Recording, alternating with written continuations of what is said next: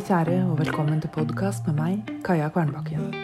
I dag med et fredagsbrev om å ta sjansen. Du står på kanten og sier at du ikke kan hoppe før jeg har hoppet og vist deg at det er trygt. Hvem skal vise meg at det er trygt, tenker jeg, men jeg hopper. Du står på kanten, skutter deg, sier at du ikke liker å bade, at vannet er for kaldt, om det bare hadde vært sommer, så kanskje. Men du hjelper meg ikke opp igjen, kaster ikke ut en bøye eller finner fram et håndkle så jeg kan få tilbake varmen. Du står på kanten og spør om jeg når bunnen, om jeg kan stå, om jeg kan holde meg flytende, om jeg klarer å svømme til den andre enden uten å synke.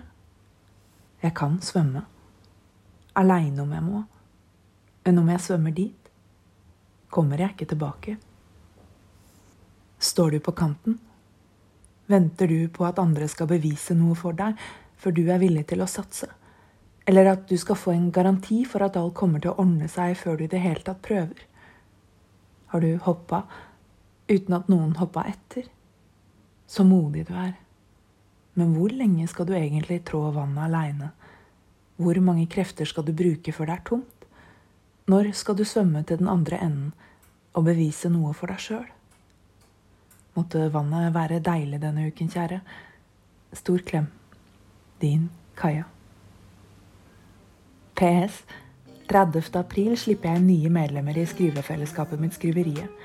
Påmeldingen åpner 23. april. Hvis du vil vite mer, kan du sette deg på venteliste ved å gå inn på kajakvernbakken.no skriveriet.